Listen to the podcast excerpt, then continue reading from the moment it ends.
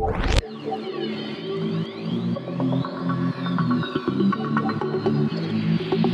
Mission of Physics.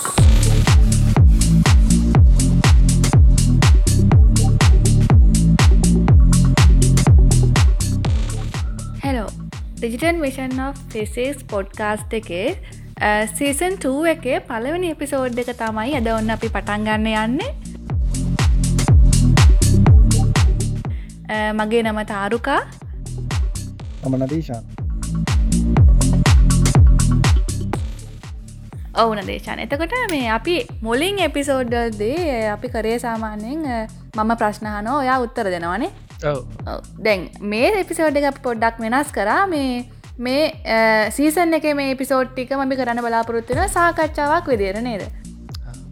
ඒක අපි පොඩ්ඩක් පැහැදිලි කරමුණේ ළමයින්ටත්? එක තවට්ටික ඕ මේකට හේතුව තමයි අ, ළමයි මේ. දැන් එතකොට අපි ඩිස්කශන් එකක් විදියට මේක මේ මේ පිසෝට්ටික කරන්න හිතුවේ එතකොට ඔයාලට පුළුවන් බස්සකේදී උනත් බස්සක යනයන ගමන් වුණත් අපේ සාකච්ඡාවට ඇවුන්කන් දෙන්න. එතකොට මම ප්‍රශ්න හලා නදේශන් උත්තදනට වැඩිය පහසුයි මං හිතන සාකච්ඡාවක් විදියට යද්දි අ, දෙන්නගම අදහස් එනවනේ. එතකොට මේ පහසුයි ඔයාලට මේ විෂය කරනු අ, සහ බෞතික විද්‍යාව ගැන ලොකු අවබෝධයක් ලබා ගන්න. එහෙමනේද ඔව ඒ වගේ මේ දැන් අපිට මේක කරන්න කියලා හිතුනේ කොහොමද කියලත් මම් පොඩක් කිවොත්තේම දැන් ඔය ළමයි ගොඩක් අපි ගමක කුරුණෑගල ක්ලාස්සෙන ළමයි හරි නුවර ක්ලාස්සෙන ළමයි හරි ගොඩක් ඔය ඈත පලාත්වල ඉඳං එදදි බස්ස එකේ සමහර වෙලාවට පැයක් පැය කහමාරක් විතර මේ බස්සගේ ට්‍රවල් කරන ළමයි ඉන්නවනේ.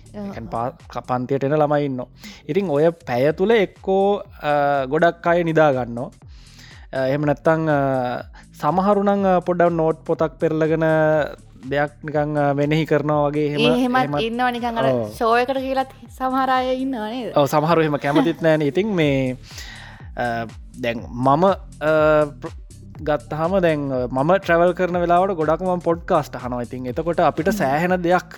ට්‍රවල් කරනය කොහොම ට්‍රවල් කරන වෙලාව බස් එකේ හරි හෙමනතං වාහනයක හරි යන වෙලාව කොහොමත් අපත යනවනේ. අප යනවා කියන්නේ ඒ වෙලාව ට්‍රවලිං වලට යන වෙලා වෙන වැඩකට පාවිච්චි කරන්න බෑනි.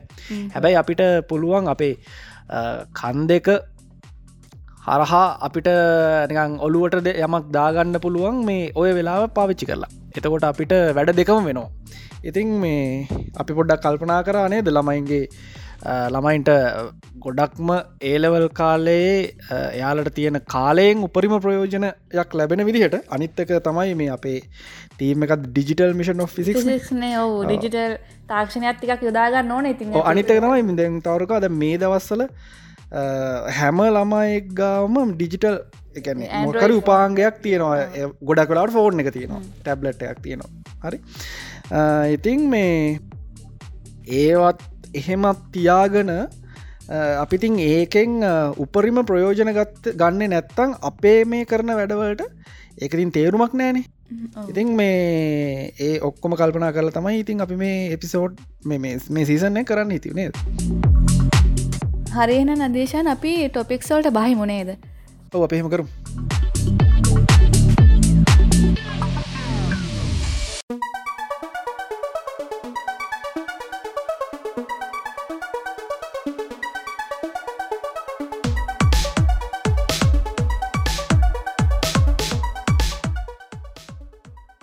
මුලින්ම අපයි දැන් අපේ ටොපික්ස් ගත්තහම අපි පොඩක් කියමු නේද? මේ අපේ කලින් සීසන එක ද මේ වෙද්දි පොඩ්කාස් පලට්ෆෝර්ම් වලින් අයින් කරලා තියෙනෙනේ අපි ඒකෙත් පළවෙනි සීසන් එකෙත් එපිසෝඩ් දෙකක් ඉතුරු කරනේද එපිසෝඩ් විතර ඉතුරු කරලා තියෙනවා. ඒකට හේතුව තමයි ඒකේ මේ ගොඩක් මර සිද්ධාන්ත වගේ එකන් තියරී ගොඩාක් නිකන් අම්- මේ ගොඩාක් සිද්ධාන්ත පැත්තර ගිහිල්ල නෑ ඒකේ සරලා අදහස් ටිකක් තියෙන්නේ පලවෙනි එකකේ.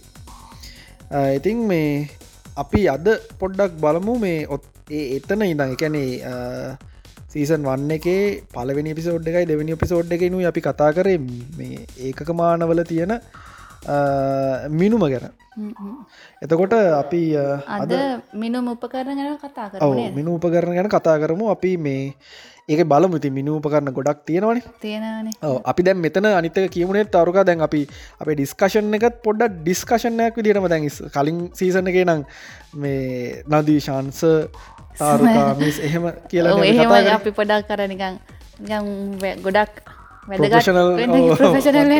ඔව්, අපිට එක තේරුවනේ දෙක හරියටම හරි වඩා ඊට වඩා හොඳයි නිකං ෆ්‍රෙන්ඩලි වෙලා මේ ළමයි එක ටිකක් අර ඩිස්කශන මට්ටපට යන එක වඩා හොඳයි අර සමීප වෙන්න පුළුවන් කියන අහගෙන ඉන්නත් ටිකක් ලේසිවෙන මනුස්ස දෙන්නේ කතාවක් නෙනේද කතාවන්නේ. ඉතින් මේ හරි එහන පටන් ගමුද? එහෙනම් අපි මේ වර්ණය කැලිපරීම පටන් ගමුණේ ඕ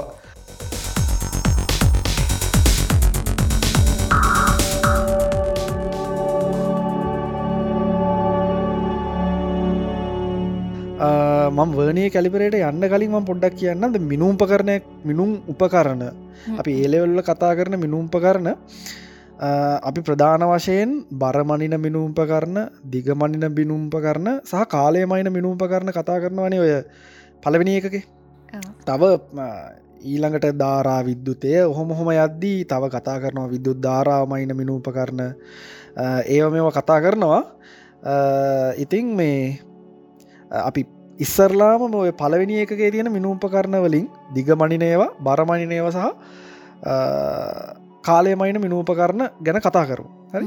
ඒක අපි බලමු අද කොච්චර කතා කරන්න පුළුවන්ගයිද කියලා. අපේ තියෙන කාලෙත් එක් අපි බලමු. පුළුවන් උපරිම කතා කරන්න උත්සාහ කරමු. තින්නේද ඕ හරි. අපි වර්නිය කලිපරම පටන්ගමු වැඩේ.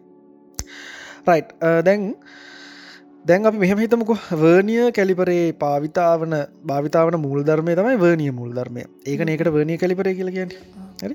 එතකොට වර්නිය කැලිපරේ නිකම් මෙන්න මෙහෙම එකක්. නික මට සරලව කියන්න පුළුවන්.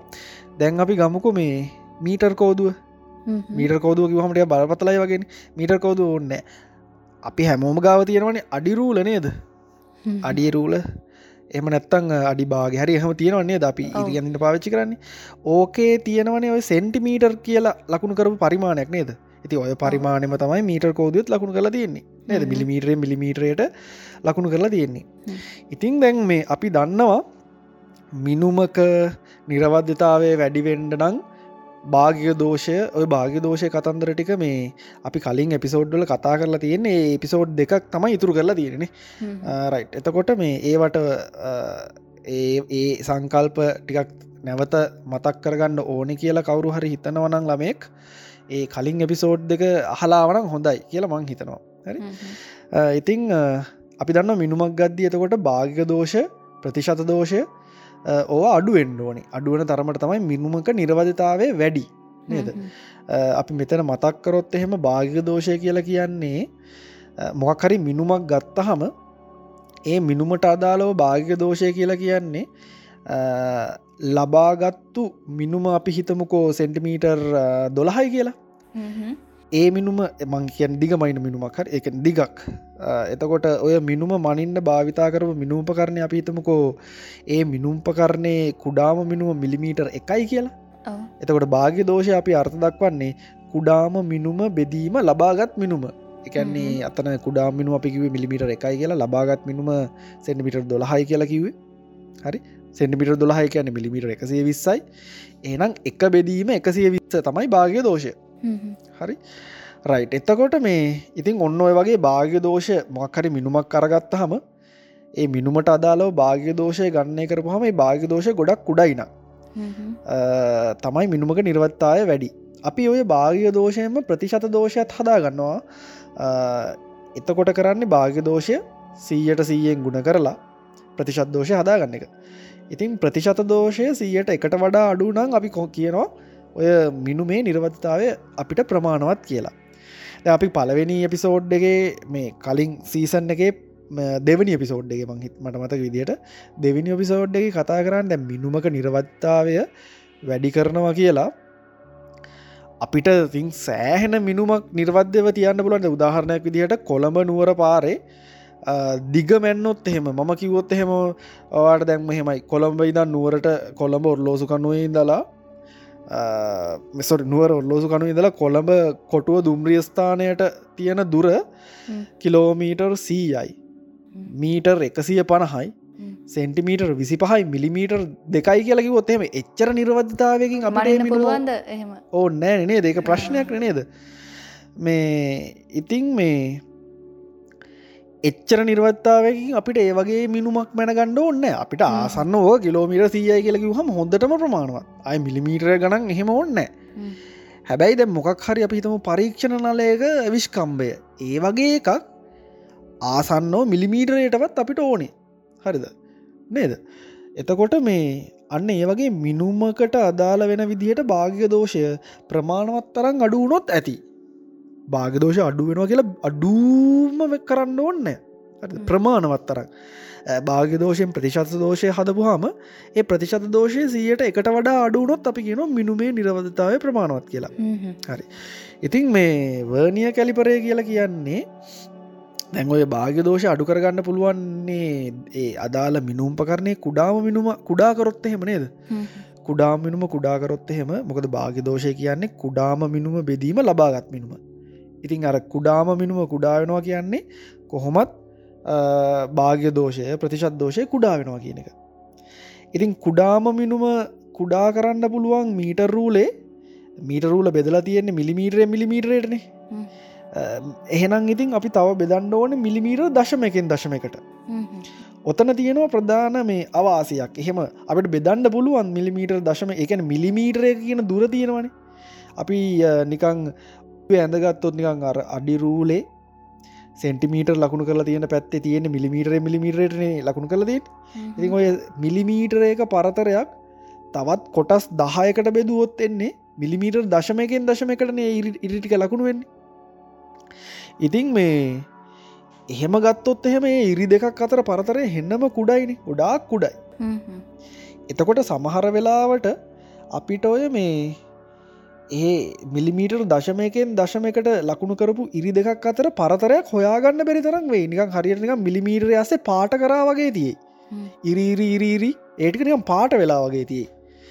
එතකොට මේ එකක් තමයි එහෙම මේ මිලිමීටරයක් තව කුඩාවට බෙදනවා කියන එක ප්‍රායෝගික නෑ.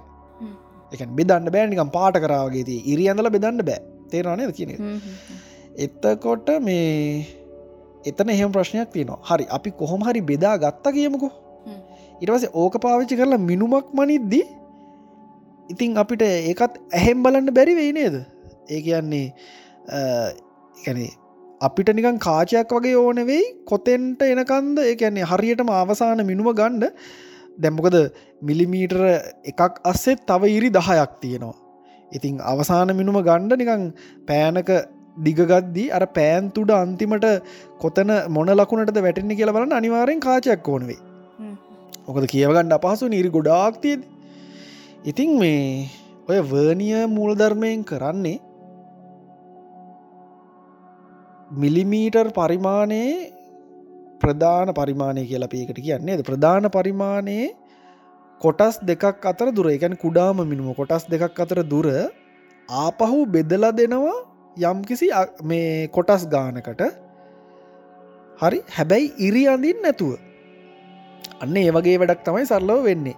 ඒන ප්‍රධාන පරිමාණයේ කොටසක දිග අපිතුමක මිලිමිටරය කියලා. ඒ අපිට බෙදාගණ්ඩ ඕනේ කොටස් දහයකට. අයිති වර්නිය සැකසුමෙන් වෙන්නේ අන්නේ ප්‍රධාන පරිමාණයේ කොටසක දිග සමාන කොටස් දහයකට බෙදල දෙනවා අර වගේ ඉරි අඳින් නැතුව. හරි?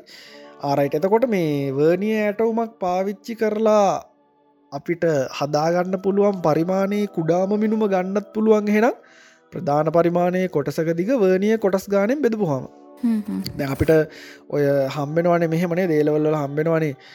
ප්‍රධාන පරිමාණයේ කොටස් නමයක් වර්නිය කොටස් දහයකට බෙදනවා. හරිද? තර ප්‍රධාන පරිමාණයේ කොටසක දිග මිලිමීටර් එකයි. ඒ වගේ කොටස් නමයක් වර්නිය කොටස් දහයකට බෙදනවා එතකොට සරලව ඔය ඇටවු මේ කුඩාම වෙනුව ගත්ත හැකි ප්‍රධාන පරිමාණයේ කොටසක දිග වර්නිය කොටස් ගානින් බෙදන්න. ප්‍රධාන පරිමාණය කොටසකදී කියන මිලිමීටර් එකයි කියලා අපි කිව්වේ. වර්නිය කොටස් ගාන දහයයි නම් මිලිමීටර් එක කියන එක බෙදන්න දහයෙන් බින්දුව දශම එකයි මිලිමීටර් කියලෙනවා ඉතින් මේ ඔන්න ඕක තමයි සරලව වර්නිය කැලිපරේ භාවිතාවන මූල් ධර්මය වර්නිය මූල ධර්මය කියන එක. කියල. එතකොට මේ වර්නිය කැලිපරේදී වර්නිය කැලිපරයක් අපි නිකං මේ ගත්තොත් එහෙම ඕක තියෙන ප්‍රධාන කොටස් කියල කියන්න මෙන්න මෙහෙමයි. ඕකෙන් මනින්න පුළුවන් නික අපි ගමුකො නිකං අපි ගමු නිකං වීදුරු බීකරයක් වගේ එකක්. ඔය වීදුරු බීකරේ අපිට පුළුවන් බිත්තියට ගමනකම වීදුරු බිත්තිය ගණකමක් තියෙනවානේ. නේද ඉතිං. ඔය වීදුරු බිත්තිය ගණකමක් තියෙන නිසා අපිට ඔය වීදුරු බීකරය වීදුරු බීකරේ බාහිර විශ්කම්බයයි අභ්‍යන්තර විශ්කම්බය කියල දෙකක් තියෙනවනේ. එතකොට මේ වර්නිය කැලිපරේ බාහිර හනු පාවිච්චි කරලා ඔය බාහිර විශ්කම්භයක් වගේ එකක් මයින්න පුළුවන්. වර්නිය කැලිපරේ අභ්‍යන්තර හනු භාවිතය භාවිතා කරලා අභ්‍යන්තර විශ්කම්බය වගේ මිනුමක් මයින්න පුළුවන්. හරි දැන්ගතකොට මේ ආගඩඉන්න ළමයින්ට මතක් වෙන්න ඕනේ. අර මේ වර්නිය කැලිපරේ අභ්‍යන්තර විශ්කම්බය මයින්ඩ අභ්‍යන්තර හනු පාවිච්චි කරන්න කොහොමද? අර දැන් අපි ගත්තොත් එහෙම පරීක්ෂණලය කරි වීකරය කරි ගත්තහම අර බීකරේ අස්සට අභ්‍යන්තර හනු දාලා දෙපැත්තර ඈත් කරනවා. එතකොට අභ්‍යන්තර හනු පෘෂ්ටය දෙ- මේ බීකරේ දෙප දෙකෙලවර පෘෂ්ටයේ ස්පර්ශනක හරි? එහෙම නැපි කරන්න. ඉතින් එතකොට ඒ වගේ අභ්‍යන්තර විශ්කම්බ මයින් වගේ අභ්‍යන්තර මිනුම් මයින්නත් පුළුවන්. ඊට පස්සේ මේ වර්නිය කැලිපරේ තියෙනවා ගැඹුර මනින කූරක්. ඔය මේ ගැඹුර මයින කූර පාවිච්චි කරලා ගැඹුරක් මැන ගන්නත් පුළුවන්. ඉතින් ඔන්න ඔය මිනුම් තුනම ගන්න පුළුවන් වර්නිය කැලිපරේ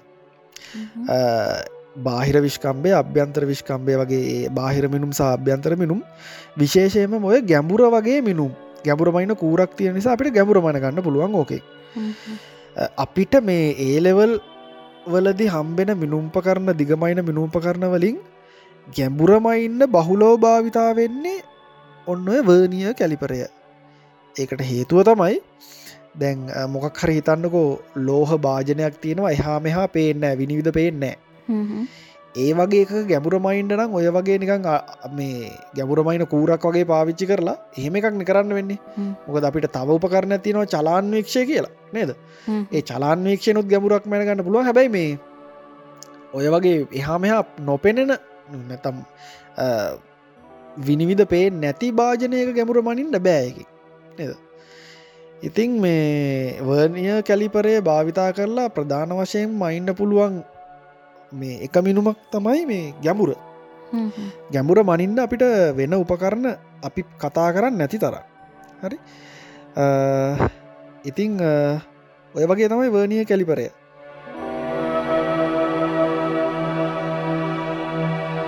හරි තව තව මේ එකක් තියෙන ඔය වර්නිය කැලිපරයක් පාවිච්චි කරදි වර්නිය මූලධර්මය ගැන කතා කරද්දි දීර්ඝ කළ වර්නිය පරිමාණ කියල වර්ගයක් තියෙනවා. ඒකන්නේ දැන් කලින් කතාකර වර්නිය පරිමාණය ප්‍රධාන පරිමාණයේ මිලිමීටරේ කොටස් නමයක් වර්නිය කොටස් දහයකට බෙදුව වගේ කතන්දර ඇන්නේවී අපිට ඕන්නම් පුළුවන් ප්‍රධාන පරිමාණයේ මිලිමීටරේ කොටස් දහ නමයක් වර්නිය කොටස් දහයකට බෙදන්න. එතකොට නිකං ගණන් හදල බලවන්න පුළුවන් අපිට මේ එතකොට වර්නිය පරිමාණයේ කොටසක දිග මිලිමීටරයට වඩා විශාල වෙනවා දීර්ඝ වෙනවා. ඉතින් ඒවට අපි කියනවා දීර්ඝ කළ වර්නිය පරිමාණ කියලා. එතකොට මේ අපි මතක තියාගන්න ඕනේ දීර්ඝ කරපු එකක් හරි දීර්ඝ නොකරපු එකක් හරි සාමාන්‍ය එකක් හරි මොකක් හරි වර්නිය පරිමාණයක් වේවා. වර්නිය පරිමාණයෙන් වෙන්නේ ප්‍රධාන පරිමාණය කොටසක දිග වර්නිය කොටස් ගාන්ට බෙදෙන එක. එහෙනම් වර්නිය ඇටවමක් පාවිච්චි කරලා වර්නියටම ඇටවම පාවිච්චි කරලා කුඩාම මිනුම. මේ හොයාගන්න පුළුවන් වර්නි අටවමක කුඩා මිනුම හොයාගන්න පුළුවන්. ප්‍රධාන පරිමාණයේ කොටසක දිග වර්නිය කොටස් ගාන්ට බෙදීමෙන්. ඔන්න එතකොට වර්නිය කැලිපරේ ගැන.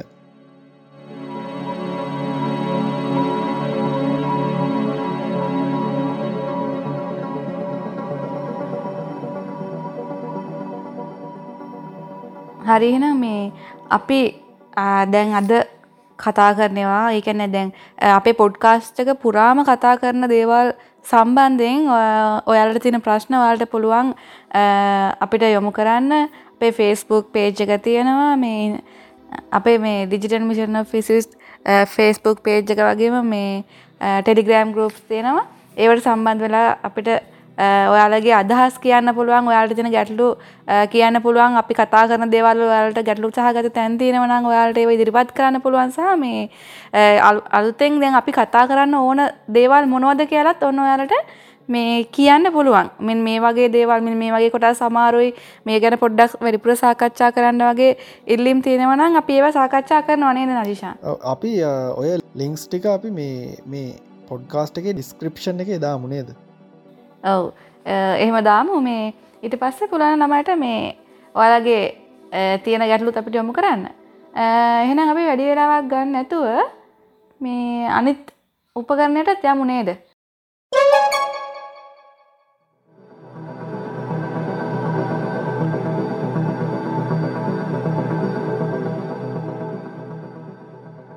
ඔව. ඊළඟට අපි ගත්තොත් මයික්‍රමීට ස්කෘප්වාමානය මයික්‍රමීට ස්කෘප්වාමානයත් වෙන්නේ අර වගේ වැඩම්ම තමයි. එතනදි වෙන්නේ දැන් වනී කැලිපරය වනේ ප්‍රධාන පරිමාණයේ කොටසක දිග එකන මීට රූල ගත්තොත් ප්‍රධාන පරිමාණය කියලා.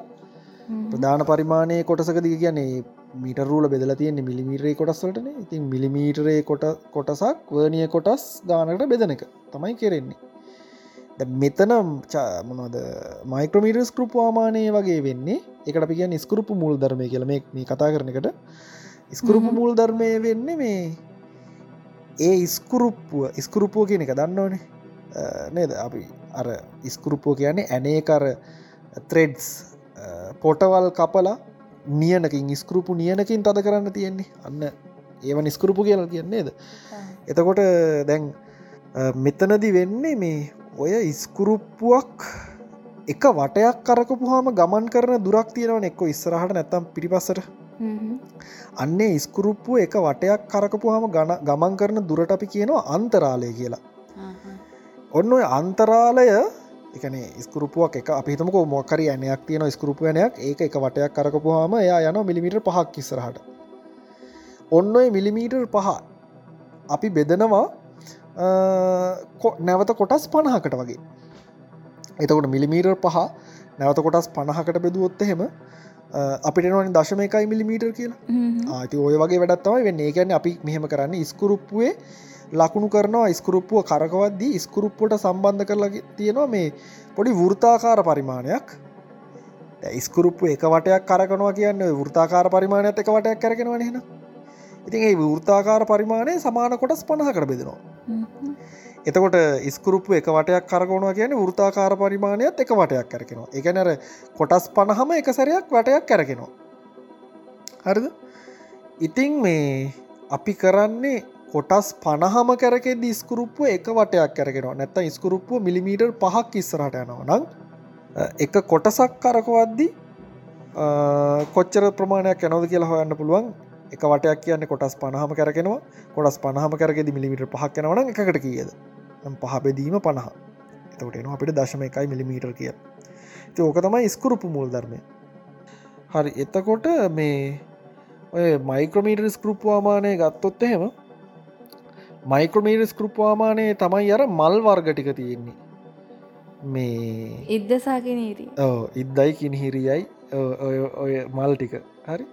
ඉතින් මේ ඉද්ද තියෙනවා. ඉද්ද තමයි ඉස්සරට පිටිපසර යන්නේ. කිනිහිරිය තමයි අර මේ අච්චල බාහුවට සම්බන්ධ කරලා තියෙන් ඉද්ද ගිල්ල වදින්න ගිනිහිරිය ඉට පස්සේ තව ප්‍රධාන මේ රේකය පරිමාණයක් තියෙනවා. ඊට පස්සේ ස්කරුප්පුවට සම්බන්ධ කරපු වෘතාකාර පරිමාණයක් තියෙනවා. ඒ වෘතාකාර පරිමාණය දිදාලය සහ දිදාල හිස කියන ටික ඒවටික කැරකෙනවා නේද? දිදාල යෙන් අල්ල අපිට කරකවන්නත් පුළුවන්. දිදාල හිසෙන් අල්ල කරකවන්නත් පුළුවන් දිදාල හිස මෙතන මේ හෙන වැදගත් කාර්යභාරයක් ඉෂ්ට කරනවා. මොකද මේ දිදාල හිසේ තියෙන වැදගත්කම තේරෙන්නේ අපිට ඊළඟ එකට ගෝලමානයට ගීපුහාම දිදාල හිසෙන් කරන වැදගත් කාර්යභාර කියන්නේ ඔය ඉද්දයි කිනිහිරියයි ස්පර්ශ වුණහම එමනත ඉද්ද සහ කිනිහිරි අතරට අපි වස්තුවක් තිබ්බහම මොකරි ගණකම කරි මොකරි මයින්ඩෝන වස්තුව තිබ්බහම ඉද්ද ගිහිල්ල ඔය වස්තුවය පෘෂ්ටය හරි ස්පර්ශ වුණහම කොමරි ඉද්ද ඉදිරියට යන් නැති විදිහට. අපි කියෙන ඉද්ද බ්ලොක් වෙනවා කියලා. ඉද්ද බ්ලොක් වුණහම අර මේ අපි කරකවන්නේ දිදාල හිසෙන් අල්ලලරං දිදාල හිස නිදැල්ල කැරගෙනවා ෆ්‍රීලි රොටේට් වෙනවා. නිදැල්ල කැරගෙනවා ඒ විතරක් නෙමේ නිදැල්ල කැරකෙන ගමන් ඒකෙන් පොඩි සද්දෙකුත්වෙනවා click click click click click ගල සබ්දයක් එනවා. ඉතිං මේ එතකොට අපිට දැනගන්න පුළුවන් රයිට් ඉද්ද ගිහිල්ලා මොකේ හරි ස්පර්ශ වුණා. ඒක කිනිහිරිය වෙන්නත් පුළුවන් නැත වස්තුව පෘෂ්ටය වෙන්නත් පුළුවන්. ඉද්ද ගිහිල්ලා ඉද්ද බ්ලොක් වෙලා ස්පර්ශ වෙලා. එතකොට මේ දිදාල හිසෙන් කරන වැදගත් කාර්භාරය තමයි ඉද්ද ස්පර්ශ වෙන අවස්ථාව. ඉද්ද කිනිහිරිය හරි වස්තුව පෘෂ්ටය හරි ස්පර්ශ වෙන අවස්ථාව දැනුම්දීම තමයි ඔය දිදාල හිසෙන් වෙන වැදගත්ම කාර්යභාරය. ඉතින් අපි කරන්නේ දැන් අපි හිතමුක මොකක් හරි එකක මොකක් හරි වස්තුවක අපි හිතමු පොඩි බෝලයක් තියෙනවා. ඔය පොඩි බෝලයේ විශ්කම්බය මයින්ඩ ඕනේ. ඉතිං මේ අපි කරන්න චූටි බෝලය ඉද්දයි කිනිහිරිය අතර තියෙනවා. අතර තියලා ඉද්ද තද කරනවා ඉස්සරලාම දිදාලෙන් අල්ල ඉද්ද තද කරනවා. ඊට පස ඉද්ද එහෙම තද වෙලා තද වෙලා අර බෝලේ ස්පර්ශවෙන්ඩල් ආසන්න මොහොතේ දිදාල හිසෙන් අල්ල කරකවුණු එතකොට දිදාල හිසෙන් කල්ලා කරකවද්දි ඉද්ද ගිහිල් අර බෝලේ පෘෂ්ටේ ස්පර්ශ විච්ච ගමන් මොකද වෙන්නේ? දිදාල හිස කලික් කලික් කලික් ගාල සද්‍යයක් එන ගමන් අර නිදැල්ල කරගෙනවන. එතකොට අපි ටක් ගල කරකවන එක නතර කරලා පාටාංකය ගන්නවා. දොට මෙතන පාටාංකය ගද්දී රේකිය පරිමාණය පාටාංකය වෙනම ගණ්ඩෝනේ ඊට පස්සේ වෘර්ත පරිමාණය පාටාංකය වෙනම ගණ්ඩෝනේ එතකොට රේකී පරිමාණය පාටාංකයට ෘත පරිමාණය පාටාංකය එකතු කරලා අපිට සම්පූර්ණ පාටාංකය ගත්ත හැකි එතකොට දැන්තාරුක අපි මෙතන මේ බලාපොරොත්තු වෙන්නේ මේක මුලයිඉදං අයන්න ඉදං උගන්නන්න නෙමේ නේද? අපි මේ කරන්නේ මෙතන මේ පොඩ්ඩක් ඔයාලගේ මතක අවස්සනකනේ මතක් කෙරලා තමයි මෙතද කරන්න. කරන්න. අනිතයි මොකත් මොකද දන්නවද මේ ගොඩාක්ම ළමයින්ට ඔය මේ ගොඩක්ම තියෙන ප්‍රශ්න තමයි තමන් ඉගෙනගන තියෙනවා කලින්ගේ ඉගෙනගත්තුව මතක හිටින්නේ අන්න ඒක තමයි ප්‍රශ්න ගොඩක්ම. ඉතින් මේ මේ වැඩෙන් අපි ගොඩක් බලාපොරොත්තු වෙන්න නැවත නැවත නැවත නැවත මේවා ළමයිට මතක් කිරීමනේ හරි. එතකොට ඉතින් ඔය වගේ වැඩක් තමයි මේ මයික්‍රමීටස් කෘපවාමානයෙන් වෙන්නේ. ඊළඟට මේ අපි ඊළඟකට යන්ද අපි මේ ගෝලමානයෙන් කතා කරනවා කියලා කියන්න. ඉතින් ගෝලමානය මේ ලොකු දේවල් නෑ. ඉතිං අර වගේම තමයි ස්කුරුප මූල් ධර්මය තමයි ඒකෙත් පාවිතා වෙන්නේ. ඒකෙත් තියෙන ස්කුරුප්පුවක් මයි එතකොට ඕකෙ තියෙනවා ස්කුරුප්පු හිස. ඉට පස ස්කුරුප්පුුවටම සම්බන්ධ කරපු වෘතාකාර පරිමාණය. ඒවගේම තව රේකිය පරිමාණයක් තියෙනවා අර වගේම. බොහොම පොඩි උපකරණයක්න අල්ලි තියාගන්න පුළුවන් චූටි උපකරණයක්. එතකොට මේ මේකේ තියෙනවා ඉස්කුරුප්පු තනිකරම ස්කුරුප්පු පාදයක්. එක නිස්කුරුප්පුේ අනිත් කලවරට සම්බන්ධලා තින පාදය. ඒ වගේම අචල පාද තුනක් තියෙනවා. ඔය මේ අච්චල පාද තුන අපි නිකං පොළොව තිබ්බොත් එහෙම එකම මට්ටමට තියෙන්නේ. පාද තුනම එකම මට්ටමට තියෙන්නේ. අනිතක තමයි පාද තුනම නිකං තියෙන්නේ මේ සම පාද ත්‍රිකෝණයක ශීෂවල හරි ඉතිං ගෝලමානය ගොඩක්ම භාවිතා කරන්නේ මේ වක්්‍ර පෘෂ්ටයක වක්්‍රතාරය හොයන්න. ඒකට පාවිච්චි කරනවා. වක්්‍ර පෘෂ්ටයක වක්්‍රතාරය මනින පරීක්ෂණයකුත් තියෙනවා අපිට. ඉතින් ඒකට පාවිච්චි කරනවා. ඒ වගේම තමයි මේ ගෝලමානයේ තියෙන එකවුලක් තමයි දැන් අර මයික්‍රමීට ස්කෘප්වාමානය දිදාල හිස කියලක් තිබ්බන ඒකෙන් විච්ච වැදගත්කාරය තමයි අර මේ ඉද්ද ගිහිල්ල ස්පර්ශුන හම් මොකේ හරි ඒකෙන් කිව්වන කලික් කලික් ලික් අන්න එකන ඉතින් හැබැයි මේක දැන් එහෙම එකක් නෑ. එහෙම ගැජෙට් එකක් නෑ මේකේ. ඉතින් මේකේ ස්කරුපපු තුඩ ගිහිල්ල මොකේ හරි ස්පර්ශ වුණොත් එහෙම ඒ ස්පර්ශ වුනාද නැද්ද? තව කරකවන්න ඕනද? ඒ අපිට හොයාගන්න විදියක් නෑ. ඉතිං මේ අපි එතකොට ගෝලමානය පාවිච්චි කරලා ගණකමක් අරහෙමෙහෙ මනිනවනං ඒ මනින්ඩ වෙන්නේ මොකරි වීදුරුවලින් හදපු එක ගණකම වගේ තමයි. උදාහරණයක් විදිට අන්වීක්ෂ කදාවක් කියන එක දන්නවන්නේ අපි? මේ ඔලොල් පාවිච්චි කරනවන අන්වීක්ෂ. අන්වීක්ෂ කදාව වගේ ගණකම් මනගන්න ගෝලමානය පාවිච්චි කරන්න පුළුවන්. මොකද එතකොට අපිට පුළුවන් මේ අර ප්‍රතිබිම්බ සමපාත ක්‍රමයෙන් ස්පර්ශ වෙනවද? ස්කරුපපු තුඩ ස්පර්ශනවද කියලා බලන්න. ප්‍රතිබිම්බ සම්පාත ක්‍රමය කියන්නේ මේ අපි අපිට දැන් ඔය අන්වික්ෂ කදාව තිබ්බහම ගෝලමානය යටින් ඉස්කුරුප්පු තුඩේ ප්‍රතිබිම්බය ඉමේජ්ජක ඉස්කුරුපපු තුඩේ ප්‍රතිබිම්බය අර මේ අන්වික්ෂ කදාවෙන් පරාවර්තනය වෙලා අපිට පේනවනේ. අරහෙන කන්නාඩියක් වගේ පේ නැතිවුණට නික ලාවට පේනවනේ. ඉතිං අපිට කරන්න තියෙන්නේ ඔය ඉස්කුරුපපු තුඩේ ඒ පේන ප්‍රතිබිම්බයයි ඇත්ත ඉස්කුරුපපු තුඩයි එකනෙක ස්පර්ශ වෙනවද කියලා බලන්න එහෙම වෙන තැනදී අපි මේ කරකවන එක නවත්තන්න තමයි ඉතින් තියෙන්නේ. හරි? ඉතිං මේ ඕකඉතින් හෙන අමාරුයි මේ ඒ වැඩේ හරියටම කරන්න. නමුත් ඉතින් එහෙම දෙයක් තමයි අපිට කරන්න වෙන්න. දැඟු අපිතුම කාසයක වගේ ගණකවම ඉන්න ඕන කියලා. එතවට කාසයක තියෙන අවුල තමයිද ප්‍රතිබිම්බයක් පරාවර්තනය වෙලා පේ නෑන කාසය ලෝහයක්නේ. ඉතිං ඒ වගේ එකක ගණකම්මයි ඉතින් අර වගේ දෝෂ වෙනවා. හරි ඉතිං මේ ගෝලමානය අපි ළමයින්ට කියමුණේද කොහොමද ගෝලමානයෙන් වක්‍රතාරය මයින්නේ? අපිතමු කාචයක උත්තල කාචක වගේ වක්ටතාරය මයින්න කියලා කොහොමද කියලා මේ ආය මතක් කරගන්න කියලා. එයාලගේ ආව නෝට් තියෙනවා. ඒක තනිකර පරීක්ෂණයක්. ඉතිං අපි ඒක එක්ස්පලේන් කරන්න යනවට වඩා අපි ඕන්නන් ඉල්ලීම කවුත් වෙන දවසක ඒක එක්ස්පලේන් කරුණේ ගැනත් පොඩ්ඩක් කියමට කරන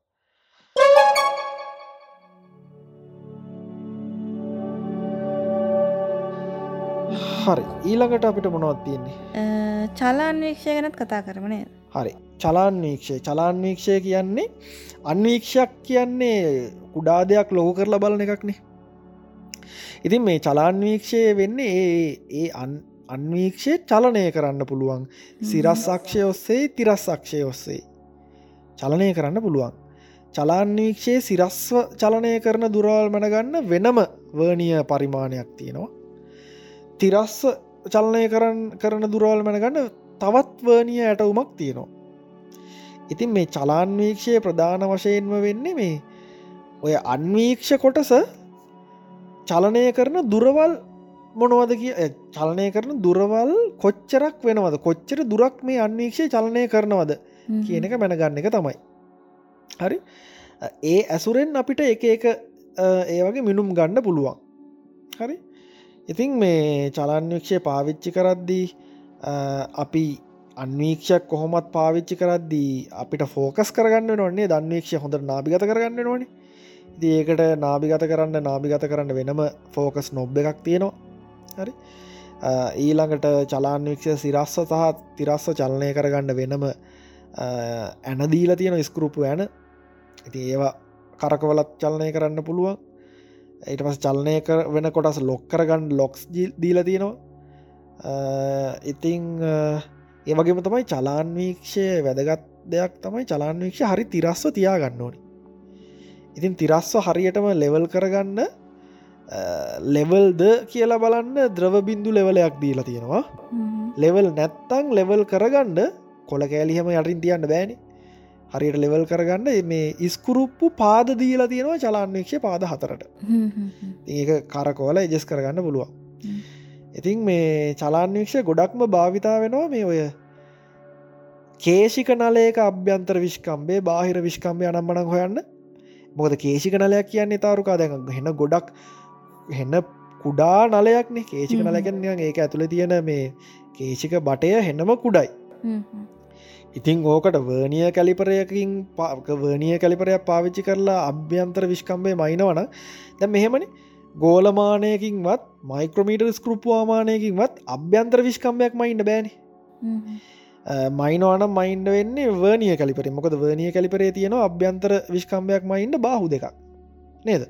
ඉතින් මේ එහෙම කියලා එහෙම බාහු තිබ්බ කියලා කේෂිකනලයක අභ්‍යන්ත්‍ර විශ්කම්බේ මයින්ඩ වර්නිය කලිපරේ බාහුවක් ඇතුල් කරන්නවත් බෑන. එන චූඩීන. ඉතිං මේ ඒ වගේ කුඩාමිනුමක් ගණ්ඩ හරියටම හොඳයි චලන්වීක්ෂය ඉතිං ඒ වගේම තමයි රබර් නලයක වගේ අභ්‍යන්තර බාහිර විශ්කම්ම මයින චලන්වීක්ෂය හොඳයි. හේතුව තමයි දැ වර්නිය අපිතමක රබර් නලයක බාහිර විශ්කම්ම මයින්න ඕන කියලා. වර්නිය කැලිපරේ අර බාහිර හනු අතර රබර්නලය තියලා අර වර්නිය කැලිපරේ අර ස්ලයිඩ් කරන්න පුළුවන් සර්පණය කරන්න පුළුවන් හනුව මේ රබර්නලේ අනි පෘෂ්ට ස්පර්ශණකං හිර කරන්න ගියොත්තෙම රබර්නලය ඇකිලෙනවනේ ඇද වෙනවනි ඉතිං මේ ඒක හෙන අවුල් වැඩක්නේ. ඒක නිසා මේ චලන්වීක්ෂයෙන් රබරනලේ ස්පර්ශවත් කරන්න එකන චලන්වික්ෂය මිනිුවක් ගද අපි බලන ගන්න ස්පර්ශ වෙන්න න එක එතකොට රබර්නලේ හැකිලෙන්නේ නෑ රබර්නලයක වගේ ඔය විශ්කම්ම මනින ගොඩක්ම හොඳයි එහෙමුණොත් චලාන්වීක්ෂය. ඉතිං මේ චලාන්වීක්ෂයෙන් බලපුහාම හරස්කම්බි යුගලක් තියෙනවා. ඒ වගේම තමයි චලාන්වීක්ෂයෙන් බලපුහාම මේ පොඩි වැඩක් වෙලා පේනවා. ඒ වගේ ඒවා මේ විභාගටත් අහන ගොඩක් වෙලාවට. අන්වීක්ෂයක්නේ. අන්වීක්ෂ කියන උත්තල කාච දෙකකින් සමන්විත එක ඉතිං මේ ඔය අන්වීක්ෂයෙන් බලපුහාම උඩු යටිකුරු වෙලා තමයි පේන්නේ. මොකරි වස්තුවක් ඔළුවෙන් හිටගෙනන්නවාගේ තමයි පේන්නේ ප්‍රතිබිම්බේ ඒ වගේම තමයි මේ වම දකුණත් මාරු වෙලා පේන්නේ. ගොඩක් ළමයින්ට මේ උඩු යටකුරු කතන්දරේ තේරෙනවා. වම දකුණ කිවහම තේරෙන්න ඒකර ආලෝකය කිරණ රූප සටහන් අඳින් අදින්දි අපි මේ කිරණ රූප සටහනවල් සටහන් වලින් පැහැදිලියෝම් පෙන් පේනවා උඩු යටකුරු වෙනවා කියලා. ඇැබැතින් කිරණ රූප සටහන් අදින්න එක තලයකනේ අනිත් තලේ කියන්නේ වම වමේ ඉදන් දකුණට තලයක් ඇන්දොත් එහෙම එතකොට අපිට පේනවා මේ වම දකුණත් මාරු වෙලා තමයි මේ කිරණ රූප සටහන් ඇඳෙන්නේ ඉතින් අන්වීක්ෂයෙන් බලපුහාම මේ වම දකුණත් මාරු වෙලා පේන්නේ අපි එකට කියනවා මේ අප වර්තනය වෙනවා කියලා. හරි? ඉතිං මේ වම දකුණත් මාරු වෙලා පේන්නේ උඩු යටකුරු වෙලා වෙලත් පේන්නේ. එතකොට නිකං අපිට ඔය චලාන්වීක්ෂයෙන් බලලා අපිට පේනවා කියලා තන්නකො දකුණු පැත්ත තියෙන නලයක්. ඇත්තටම ඒ රූපයෙන් දකුණු පැත්ත තියෙන් නලයක් වගේ එක පෙවුණට ඒක හෙනම් ඇත්තරම් පේන්නේ ඇත්තරම තියෙන් ඕනේ වම් පැත්තේ. මොක දර වම දකුණ මාරුවෙනවන ඉතින් ඔන්න වගේ දේවල්ට ඇත්තමයි චලාන්වීක්ෂ ගැන තියෙන්නේ. ඉතිං ඔච්චරයි ඇත්තරම දිගමයි උපකරණ විදිහට අපිට කතා කරන්නත් තියෙන්නේ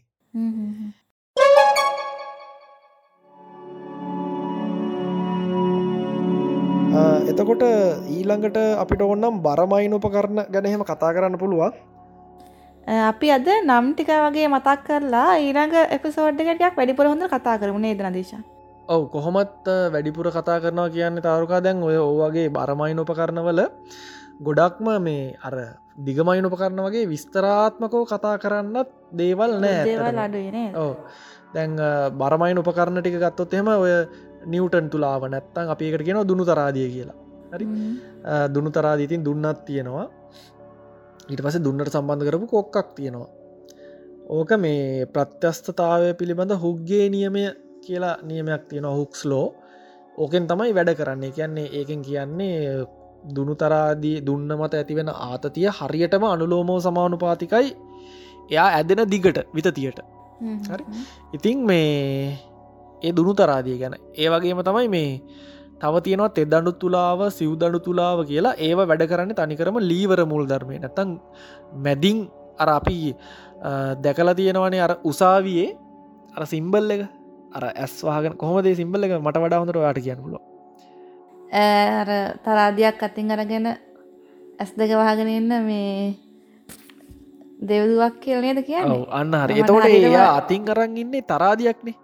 ඒ තරාදිය මැදිං එල්ලලන තියෙන්නේ අපි ඒවගේ ලක්ෂයට කියන විවර්තනය කරලා තියෙනවා කියලන තකොට මේ ඔන්න ඔය වගේ මේ එතකොට ඒ වගේ තරාදියක් බැලන්ස් වෙන්නේ ගූර්ණ මූල් ධර්මයට අනුවනේ. දෙපැත්තේ තරාදී මේ තැටි දෙකක් තියෙනවා. ඒ තැටි දෙකට දාන ස්කන්ද දෙකේ බරට අනුව ලැබෙන ගූර්ණය වාමාවර්තද දක්ෂිනාවර්තද දෙපැත්තේ දෙපැත්තේ දෙක දෙ වෙන වෙනමනේ ලැබෙන්නේ. වාමාවර්ත ගූර්ණයකුයි දක්ෂිනාවර්ත ගූර්ණයකුයි ඔය ගූර්ණ දෙක සමානුනාම තමයි තරාදී එක පැත්තකටත් පාත්වෙන්න ඇත්තේ ඉතින් ඔය ගූර්ණ මූල් ධර්මයෙන් වැඩ කරන උපකරණ දෙකක් තමයි තෙදනු තුලාව සහ සිවදනු තුලාව. ඒ විතරක්නේ රසායනක තුලාවත් එහෙම තමයි. දැ ගොඩක් ළමයි ඔය රසායනික තුලාව කියලා කියපු ගමන් ඇල හිතන්නක මේ රසායනික ප්‍රතික්‍රියාවක් වෙන ඇති ඇතුළේ එහෙම කියලා. ඇත්තටම එහෙම දෙයක් වෙන්න නේද? එහම දෙයක් වෙන්න තනිකරම මේ ඒකත් ගූර්ණ මූල් ධර්මයෙන් වැඩ කරන තුලාවක්. ඉතිං මේ ඉරපස තියෙනවා ඉලෙක්ට්‍රොනික තුලාව.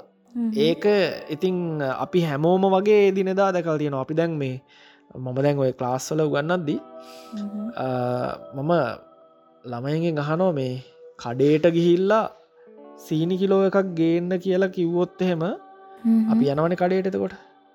ගිහිල්ලා මේ කවුරු හරි අදාළ මුදලාලිකින් සීනි කිලෝ එකක් දෙන්න කියලා ඉල්ලුත් සහ සීනි කිලෝ එක පැකට් නැත්තන් එයා කිරල දෙන්න බේ. ඉතින් කිරන්නේ කොහොමද කියලා හපුවාම ටක්ගාල කියන්නේ කොහොමද? ශොපින්රුවයට සීනි දැම්ම තරාදිය උඩ තිබ්බ හරියට මර ඩිස්ලේක දිහා බල්ලා කිලෝ එකද කියලා බැලුව. දුන්න. දුන්න. ඉස්සරහොම නෙමේ නේද? පඩියක් එක පැත්තකට දාණ්ඩෝනේ හ්ම්. ඊට පස්සේ හරියට තලා තරාදිය බැලන්ස් වෙනකන් සීනි දාන්නඕන එහෙමනේ ඉස්සර. ඒ මම කියන්න හදන්න මේ දැන් ඔය ඒ ඉස්සර පාවිචි කරු අර තැටි තියන තුලා නෑ නේද පොලේ තියෙනවා පොල පොලවල් වගේ තියෙනවා. ඒත් පොළවල්ලත් මං ගොඩක් දැකල් තියෙනවා මේ ඔය ඉලෙක්ට්‍රොනික තුලා තියාගෙනන්නවා සාමානය අර එලවල් එහෙම මේ කිරන්ඩ ගන්න අනේ පරණ තරාදිය පරණ තරාදිය ගොඩක් පොළවල්ල තියෙනෙනේ ඒකත් ඔය මේ එලවල් දැන්ව පාරයින තියෙන්නේ එලවලු කඩවල්. ඒවගේ තියෙන්නේ මේ ඉලෙක්ට්‍රොනික තුලා ඒක මොකද භාවිතය පහසුයි කෙලින්ම පාටාංග කියව ගන්න පුළුවන්. හරි ලේසි. පඩිසදා ඉන්න ඕනෙත්නෑ නෑ. මොකුත් නෑ. ඉතින් මේ අනිත නිර් ඇත්තන මේ පාරිභෝගිකව විදිහට නිරවධතාවයක් ඒකින් ඉහල නිර්වධතාවයක් බලාපොරොත්තු වෙන්නත් පුළුවන් අපිට. ඉතින් මේ ඉලෙක්ට්‍රොනික තුලාව විදි ඉලෙක්ට්‍රොනික තුලාව අපිට මෙහෙම ගොඩාක් විස්තර කතා කරන්න නෑ. එතකොට ඔය මේ බරමයින උපකරණ වලින් අපි දැනගන්න ඕන දේ තමයි මේ දැන් අපෙන් ඇහුවොත් එහෙම මේ මොකක් හරි ස්කන්දයක් නැතම් බරක් කිරාගණ්ඩ ඕනේ මොකක්ද හොඳම තුලාව කියලා විද්‍යාගාරය තියෙන අපිට මේ ඔය දුනු තරාදිය තෙදඩු තුලාව සිවදඩු තුලාව ඒවා ඇවිල්ලා නිකං ආසන්න වගේයන් මැනගනිකන් රෆ්ලි වැලිව එකක් ගණ්ඩ පාවිච්චි කරන තුලා. ඒවා දැම් පාවිච්චිවෙන් නැති තරම්. මොකදති අපි හැම් කඩේකට ගියත් අපිට පේන ඩිජිට් මේ ඉලෙක්ට්‍රොනික තුලා. ඉතින් ඉලෙක්ට්‍රොනික තුලාව කියලා ලියන්ඩ තවට ලකුණු හම්බෙනවා සම්පූර්ණය සහ රසායනක තුලාව කියලා ලිවොත් ඒත් ප්‍රශ්නයක් නෑ. රසායනක තුලාව හරි එහමනත ඉලෙක්ට්‍රොනික තුලාව හරි කියලා තමයි අපේ උත්තරේ තිය තියෙන් ඕන. මොකද මේ ඒක තමයි එකක් ලේසිම. අනිත්තක නිරවත්තාවෙන් වැඩිම. අර තෙදනු තුලා සිව් දනු තුලා සහදුනු තරාදි ඒව පාවිච්චි කරන්න නෑ. මොකද හේතුව ඒ වගේ දෝෂ වැඩි. හරි? ඉතිං ඒක කතා එතකොට ප්‍රශ්න පත්තරේ හල් තිබොත්තේම ස්කන්දය මැනීමට භාවිතා කරන්නේ කුමක්ද කියලා වගේ එකක්. පිළියන්න ඕනේ. හොඳම එක තමයි ඉතිං ඉලෙක්ට්‍රොනික තුලාව. එමත රසායනක තුලාව.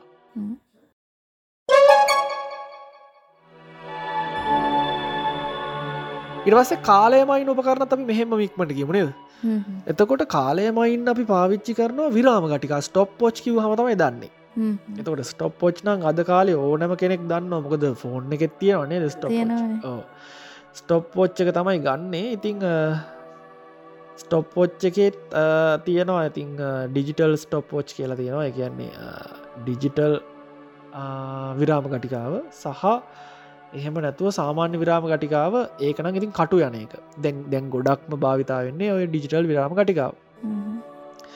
ඉතිං හරි. ඉතින් ඔච්චර තමයි අපිට මිනුප කරන ගැන කතා කරන්න තියෙනවා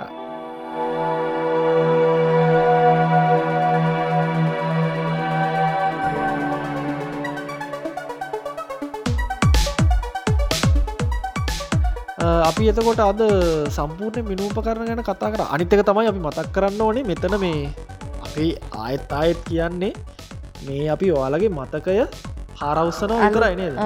කිරීමක් විතරයි මෙතරද වෙන්නේ. වැඩිදුර අපි මෙහෙම මතක් කරාට පස්සේ මේක විතරක් අහලා විභාගට යන්න අතිපා මතක් කරාට පස්සේ ඔයාලට තේරෙන්ඩ ඕනේ ඒව ඔයාලට මතක් වෙලා දැක් උදාහරණයක් විදියට මෙ මේ විදිහට දැන් අපි රූප සටහනක්වත් මොකුත් පෙන්න්නන්නෙත් නෑන. එතකොට මේ ඔයාලගේ දැම් මේ පාඩන් කෙරිලා තියෙනවා. එතකොට ඒ රූප සටහන් එහෙම හොඳට ඔළුවේ මේ මැවිලා වගේ පේෙන්ඩ ඕන නේද? අයිට පස්ස අපේ ක්ලාස්සල නං අපි ඔය ඇනිමේෂන් එහෙමත් පෙන්න්න ඕනේ.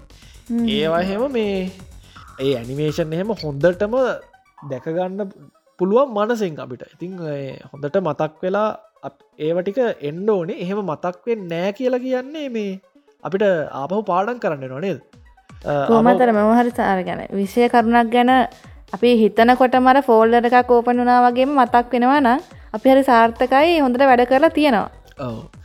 ඉතිං මේ ඔය විදිරි තමයි. අපි එතකොට ඉස්සරහට මේ විදිහට ඉදිරි පාඩන් කැන මේ සිලබස්සගේ තියෙන පාඩන් ඔක්කොගේ වගේ දාන්න හිතාගනින් නොනද අපි ඒටිකත් පොඩක් ඉස්සරටකීම ඔව් අපි හිතන් ඉන්නවා මේ සතියකට එපිසේඩ් දෙකක්වත් කරන්න. එතකොට අපිට විශාල ප්‍රමාණයක් ෆිසික්ස් සබ්ජෙට් එක ගැන ආවන කරන්න පුළුවන් වෙයි නේද ඒ වගේම තමයි මේ අපි මේ සේෂන් වලින් බලාපොරොත්තු වෙනවා මේ ළමයින්ට මේ ඉසික් සබ්ජෙට් එකෙම විතරක් නෙමේ අර ඒගොල්ලන්ගේ තියෙන දැන් ඔය මානසිකව තියෙන ගැටලු සහ වෙනත් ගැටලුවටත් යම්කිසි පිළියමක් යොදන්න නේද? අ, මම හිතන්න මේ දැන් අපි දැන් සබ්ජෙක්්ටක් ගැන මේ වෙ- වෙනකම් කතා කරන්න ඉතින් මේ දැන් තාරුකාට තියෙනවා ටිකක් අ, හොඳ අත්දැකීම් ටිකක් අධ්‍යාපනික මානසික සුවතාවය ගැන නේ අපි පොඩ්ඩක් ඒ ගැන කියමු.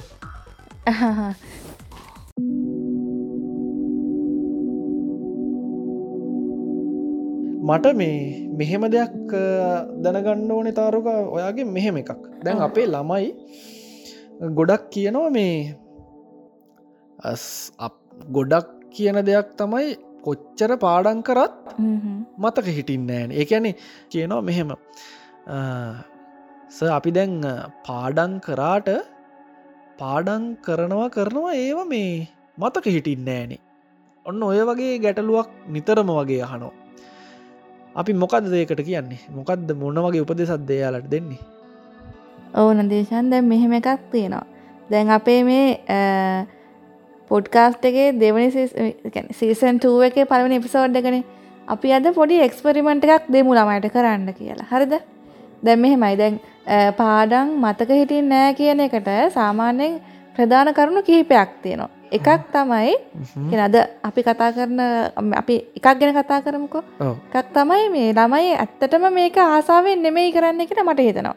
හරි හරිද? කැන දැන් හිතන්නක දේශන් දැන් කොච්චර කම්මලි ළමයෙක් හිටියත් දැන් ස්කෝල යන්න කම්මලි ළමයෙක් හිටියත් කොච්චරයා කම්මලි වුණත් දැන් ට්‍රිප් එකක් යන්න තියෙනවනම් කැමති? එනමය දැන් ගොඩක් වෙලාවට ය කලින් මේ ලකල ඇස්ති වෙනවනේ. ආසාාවෙන් දැ උදේ නැගට නැති නමෙක්නම් උදේ නැගටින්නත් ට්‍රයි එකක් දෙනවන නේද. එතකට අර ගොඩක් වෙලාවට අපි ආසාාවෙන් කරන දේවල් අපිට මත්තක හිටිනවා සහ මේ අපි ඕමනාවෙන් කරනවනේ. දැන් එකක් දැමන් කිව්ව දැන් එකක් කියලාව කැනෙ මත හිටින් නැතිවෙන්න එක හේතු ක්‍රමයක්න අද මේ මම කියනෝ කියලකි වෙතකට ඒක තමයි එකක්. අපි ආසාාවෙන් කරන්න හැසා මේ අපිට හිතනවා මේක කරාට වැඩක් නෑ එක සාරවියන් කෙනපි කෙනට ප්ලෑන් බිය එකක් තියන් ගොඩ කරනවා කියලා. එහෙම එකක්. නැත්තන් සමහරලාට හිත මේ ළමයිට ගෙදරින් බලපෑමක් හරි එහ මොකක් හරි හේතුවක් නිසා ඒ ළමය කැමැක්තෙන් නෙමේ කරන්න. එහෙම කැමැත්තෙන් නෙමේ නම් කරන්න මේ කර අමතක වෙන්න තින ප්‍රමණතාව වැඩි. හැබැයි තව කෙනෙක් කියනවා නෑ. මට මේක කරන්න අවශ්‍යයි. මට කොහමරි විභාග පාසවෙන්නත් අවශ්‍යයි. නමුත් අ, පාඩන් කරන දෙවල් මතක හිටින් නෑ. මට එහෙමත් ළමයි කොටසක් ඉන්නවනේ. අපි දැන් ඒ ළමයිට පොඩි එක්ස්පරිමෙන්ටයක් දෙමු. දැන් අනිත් තමයිට කියන තියෙන්නේ දැන් ඔයාල පොඩ්ඩක් කර ටිකක් දුර ඇවිල්ලා දැන් කොහොමහරි අම්මා කියනවට හරි සමාජය බලපෑමට හරිවා එක්සෑම් කරන්න ආවනං සහ ඔයා ඒකාය අඩිය පිටිපසර ගන්න ඇතුව ඉතින් කරන්න පුළුවන්නම් එක කරලා බලන්න පස්සේ ඔයාලා කැමති දෙයක් තියෙනවනම් කැමති මාර්ගයක් තියෙනවනම් කැමති ෆිල්ඩ ගත්තිෙනනම් ඒ පැත්තට යොමු වෙන්න බලන්න. නමුත් මේ අර අපි අනිත් අය ගැනද කතා කරමු. මේ ඌමනාව තියෙනවා. නමුත් අර මතක හිටින් නෑ ඔව්. හරිද? එයාල්ට පොඩි එක්ස්පරිමෙන්ටයක් දෙනම අපි කරන්න කියලා. මොකද තමන්ට ආවේනික ක්‍රමය හොයාගන්න මතක හිටින. ඒ කියන්න මෙහෙම එකක්. දැන් දැන් අපි දකිනවා මේ පාඩන් කරන ළමෙක් විභාගකන මහන්සයෙන් ළමෙක්ට නිතරම ඉදරින් සහ ගුරුවරු වෙන්නත් පුළුවන් යාලුව වෙන්නත් පුළුවන් කියන දෙයක් තමයි උදේ නැගිටල පාඩන් කරන්න කාල්සටහනා කදාගන්න ඕක නිතරම එහෙන දෙයක්නේ. හැබැ මං මෙහෙම එකක් කියනවා. උදේ නැගටින එක හරි කාලසටහන හදාගන්න එක හරි සහ කොටෙම කිවතින් තව කෙනෙක් කරලා ගොඩ ගියපු ක්‍රමයක් තිනවා කියන්නක ඒක හැමෝටම හරියන්නෑ එක එක්කෙනට එක එක ක්‍රමවේද තියෙනවනේ. මම කියන තමන්ට ආවෙන ක්‍රමවේද හොයාගන්න. පලවෙන එක එක්කෙනෙක් සමහරලාට එක්කෙනෙක්ට පාඩම් මතකටිනවා ඇවිදිනගමන් පාඩම් කරාම. දැන් අදේශන්ට ගොඩක්වට අත්දැකීමති දැන් විශ්වවිද්‍යාල ඉන්නකොට එක එක විදිහ ළමයි ඉන්නවනේ. මට හොඳට මතකයි. අපේ රූම්වල ළමයි වුණත් සමහරය හරි හරි නිශ්ශබ්ද ළමයි පොත දිහා බලාගෙන ඉනව නමුත් එයාලට හොඳට මතක හිටිනා.